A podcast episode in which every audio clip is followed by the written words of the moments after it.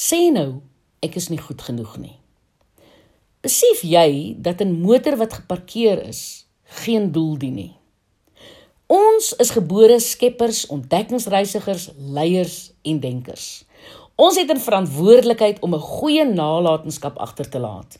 Ons is veronderstel om met 'n verwagting te leef en 'n impakverskil te maak waar ons ook al gaan. Ongelukkig het die lewe met almal van ons gebeur en dit veroorsaak verlamming in jou menswees en die gevolg is dat jy soos 'n motor wat geparkeer is doodstil staan. 'n Motor het geen waarde indien dit nie aangeskakel word en in eerste rad gesit word sodat dit vorentoe kan beweeg nie.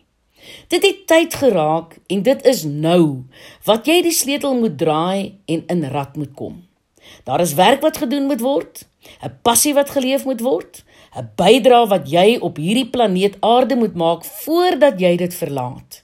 Ja, sommige mense is onverskillig en het jou oor tyd afgeskakel en dinge toegesnou wat nie noodwendig die waarheid is nie. Dit is sommer net hulle opinie. Ek dink soms ook maar uit onkunde hoor. Kom nou, laat dit gaan. Vergewe hulle en fokus bietjie op wie jy is en die wonderlike natuurlike kwaliteite waaroor jy beskik sodat jy kan besef dat jy wel goed genoeg is. As jy dalk moeg vir daardie stemme wat voortdurend in jou oor fluister dat jy nie goed genoeg is nie. Wanneer jy weet wie jy is, gebeur daar iets wonderlik binne in jou. Dit is asof daar 'n stuk selfvertroue in jou wakker gemaak word. Jy weet wat jou doel op aarde is.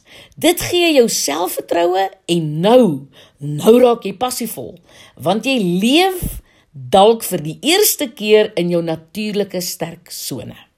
Jy is uniek en jy het waarde. 'n Nuwe wêreld het vir jou oopgegaan. Jy het wraggies kwaliteite. Ek is byvoorbeeld 'n kreatiewe Miriam gemeng met 'n kragtige Debora. Ek weet presies wat ek kan en moet doen.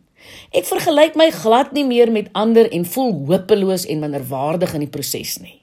Ja, wie weet, dalk is jy 'n gebore kreatiewe Miriam gemeng met 'n vredelewende Ester of wag, wag moontlik is jy 'n kragtige Debora gemeng met 'n perfekte Elisabeth. Man, Satan kan nie langer en hou vas op jou hê en leuns in jou ore fluister en jou laat twyfel in jouself wanneer jy weet wie jy is nie. Hy is mos 'n leenaar. Hy is 'n mensemoordenaar en 'n dief. Wat het hy nie al alles van jou gesteel nie? So 'n ou rakker. Nou wat nou? Wat nou as ek hierdie dinge weet waarheen hier vandaan? Om 'n koek te bak of 'n dis aan mekaar te slaan? is die resep van kardinale belang en natuurlik moet jy ook die bestanddele hê. Vir my is die bestanddeel vir vir hierdie saak van lewensvreugde 'n goeie gesindheid. Ons is of die meesters of slagoffers van ons gesindhede. Wie ons vandag is, is die resultaat van keuses wat ons gister gedoen het. Môre sal ons word wat ons vandag besluit. Om te verander beteken om te besluit om te verander. Ek het eendag gelees dat daar in die Kanadese Noorderland net twee seisoene is: winter en Julie. Wanneer die bospaaie begin ontdooi, raak hulle modderig. Voertuie wat die Gramadulas invaar, los diep spore wat vasvries wanneer die koue weer kom.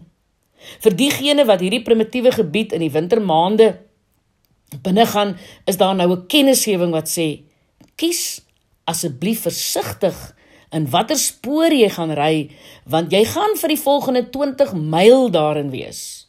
Volg dus asseblief die koers wat jy vir jou verandering van gesindheid bepaal versigtig.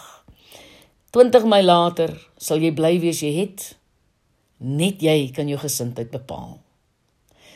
Wat nou gemaak? Hoe kies ek? Evalueer jou huidige gesindheid. Ek dink dit is waar 'n mens begin. Tweedens besef dat geloof sterker as vrees is. Derdens lewe met 'n duidelike doel voor oë. Vierdens ontwikkel die drang om te wil verander. Dan lewe eendag op 'n slag. Verander jou denkpatrone. Ontwikkel goeie gewoontes. Besluit deurgaans om 'n regte gesindheid te hê. Maak die volgende woorde deel van jou woordeskat. Ek kan, ek sal. Ek verwag die beste. Ek weet ek sal tyd maak. Definitief. Ek is vol vertroue. Ek glo God kan. As jy dink jy is goed genoeg, sal jy goed genoeg wees.